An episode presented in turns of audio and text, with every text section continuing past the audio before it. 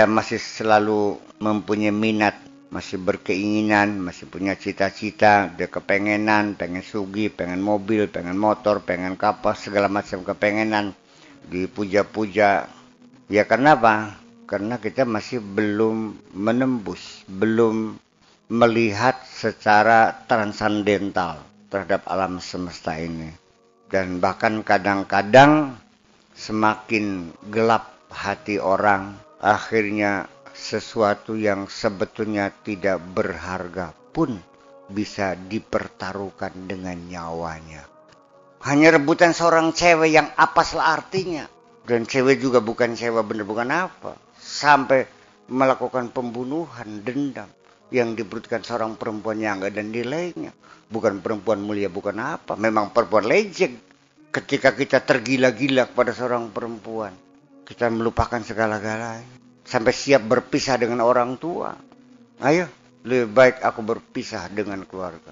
Kabur, kabur. Apakah itu laki-laki, apakah itu perempuan? Sama. Anak perempuan juga kabur sama pacarnya. Ibu dan bapaknya begitu sayang sejak kecilnya bokin, bedongin, nyusoni, ngopein, dekang gede kan. Nggak ada urusan. Ya kenapa? Karena nafsunya masih berperan. Maka ketika peran utamanya itu nafsu yang menentukan, ya semuanya ke kebinasaan ujung-ujungnya pulang ke nafsu kok jadi manja dong. Jangan dimanja, jangan selalu kita ingin memuaskan nafsu kita. Jangan selalu apa yang kata nafsu kita turutin aja. Kenapa? Nggak ada penghujungnya, nggak ada akhirnya, nggak ada pangkalnya. Terus sampai kepada membinasakan diri kita sendiri. Ya saya kira masih dalam kewajaran melihat ketika orang itu bercita-cita kepengen punya motor, pengen bisa ngaji setiap malam Senin, wajar. Saya doakan. Tapi ketika dia pengen punya kereta api, yang terdulu. Ngapain punya kereta api? Nah itulah jadi, sehingga persoalannya ketika nafsu itu kita lepas, kita manjakan, semua keinginannya kita turuti, sungguh sangat melelahkan. Lelah hati, lelah pikiran. Dan ketika mendapat kepuasan, dia meminta lebih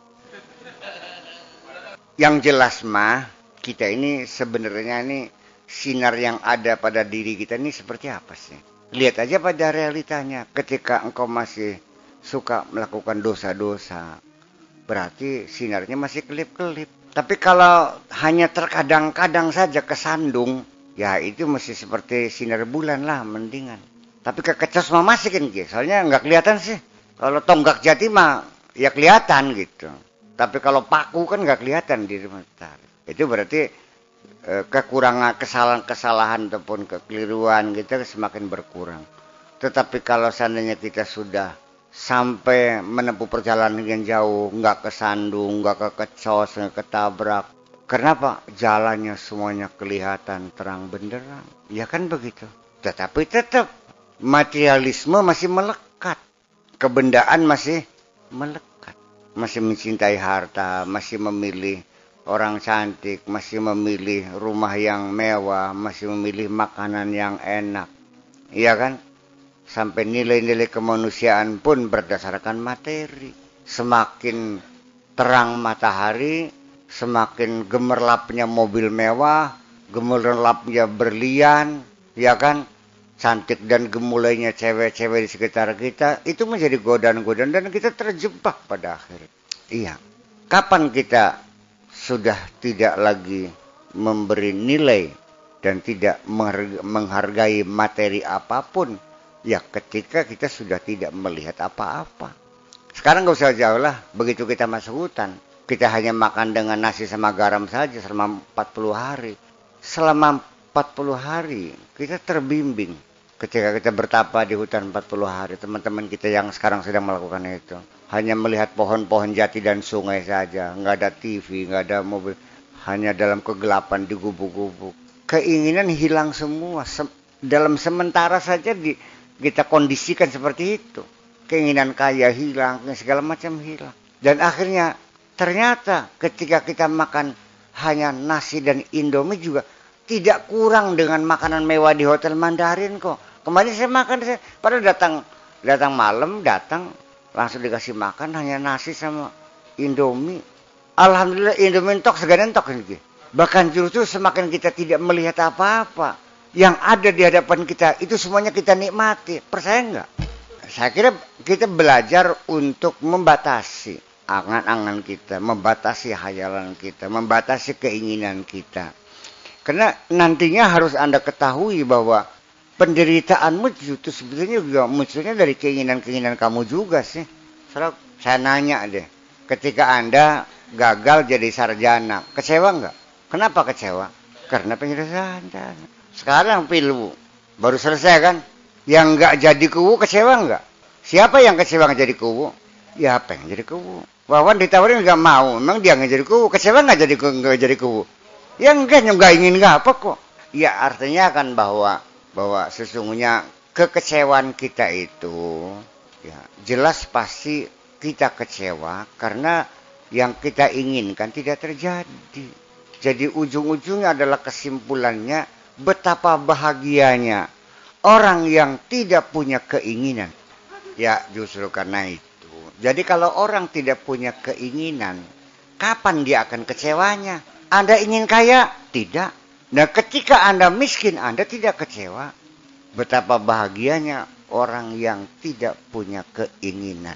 Di sekeliling kita, di sepanjang jalan Pantura, banyak orang-orang yang tidak punya keinginan. Pakai baju pun nggak ingin kok. Begitu bebasnya tanpa sehelai benang pun. Dengan tenang dia melangkah. Dengan langkah yang tegap. Ya boleh jadi itu lebih bahagia dari kamu-kamu kok. Karena dia sudah tidak kecewa. Iya kan? Apa yang membedakan mereka dengan kamu-kamu? Kamu otaknya masih waras. Sehingga punya keinginan. Kan gitu.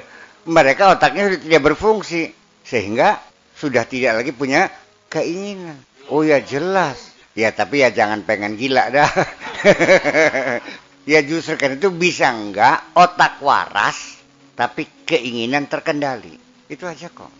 Dari mana bisa munculnya keinginan terkendali? Saya kira kuncinya adalah ketika kita serahkan segala urusan kepada Allah dan kita hanya siap melaksanakan apa yang diinginkan oleh Allah. Masuk akal nggak? Apa Anda punya keinginan? Ya terserah Allah aja bagaimana inginnya. Kalau inginnya Allah engkau jadi miskin ya silakan aja saya siap melaksanakan kok. Nggak ada urusan. Ini kan satu-satu persoalan. Jadi artinya saya nanya jujur, Anda ingin bahagia nggak sih? Benar. Lepaskan segala keinginanmu. Ikutilah keinginan Allah saja. Sami'na wa ta'ana siap melaksanakan segala keinginan Allah apa saja. Ghufranaka yang penting selalu minta ampun kepada Allah. Padahal mah ketika engkau serahkan semuanya kepada Allah, siap melaksanakan. Tidak mungkin Allah memutuskan Anda sengsara kok. Dan Anda akan diangkat sebagai kekasihnya.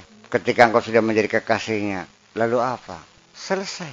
Akhirnya, apa pun yang kau inginkan, itulah yang diinginkan Allah. Dan ketika itulah engkau akan bisa mengatakan kun fayakun. Apa bisa menunjukkan? Ya, ya bisa. Yang dia sudah tidak punya keinginan, maka kun dia adalah kunnya Allah juga. Iya kan?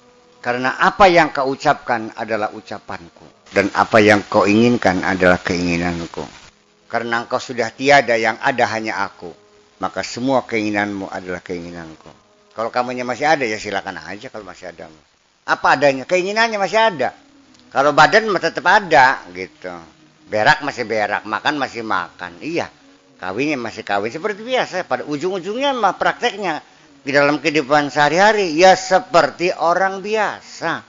Persoalannya punya keinginan dan tidak punya keinginan adalah di dalam hatimu. Apakah dikiranya orang yang sudah tidak punya keinginan lalu miskin? Siapa bilang? Ketika orang sudah tidak punya keinginan, dia memiliki segala-galanya keluar masuk pasar makan di warung naik mobil kopayu turun ke mobil kopayu iya datang ke majelis salim ikut marhaban ikut tahlilan ikut kegiatan ikut nyoblos kubu sama kok yang membedakan adalah hatimu yang masih banyak keinginan dan hati dia sudah tidak punya keinginan apa pun nah di sini kan menjadi hal yang perlu menjadi penghayatan kita bersama Apakah ketika engkau tidak punya keinginan lalu engkau tidak berbuat apa-apa? Ya tidak. Malah justru engkaulah orang yang paling banyak berbuat. Tetapi ketika berhasil Anda tidak bangga karena yang terjadi keinginan Allah. Dan ketika engkau gagal kamu pun tidak kecewa karena engkau yakin itu keinginan Allah. Dan ketika itulah ketika saya ditanya, Mang Sakur dalam hidup pernah gagal nggak? Saya jawab, nggak pernah gagal. Sebabnya yang terjadi keinginan Allah kok. Saya gak, pengen nggak apa. Jadi kalau saya gagal ya karena Allah tidak berkehendak selesai. Sekarang saya nanya, kalau Allah menghendaki engkau miskin dan engkaunya ingin kaya, mana yang terjadi? Jadi ada gunanya nggak keinginan kamu tuh? Ya wus percuma apa? Dibolak balik bolak balik ya akan buntu semuanya sebetulnya sih. Anda ingin kaya, kenapa nggak kaya kaya? Ya karena yang terjadi keinginan Allah. Allah tidak menginginkan kamu kaya. Ada nggak orang yang tidak ingin kaya tapi lalu kaya? Nggak ada. Secara secara hukum kausalita nggak ada. Terlahir dari keluarga miskin. Sekolah juga nggak tinggi. Hanya kelas SD kelas 5 dia menjadi bos beras seindramayu paling besar namanya Kaji Warjim. Malah yang kerja sama dia insinyur-insinyur. Dia nggak ngayal dulunya jadi kaya tiba-tiba kaya. Kenapa? Karena itu yang terjadi adalah bukan hebatnya Haji Warjim tapi hebatnya Allah yang berkeinginan menciptakan Haji Warji menjadi kaya. Yang bisa Anda tangkap keinginan Allah itu ketika sudah terjadi.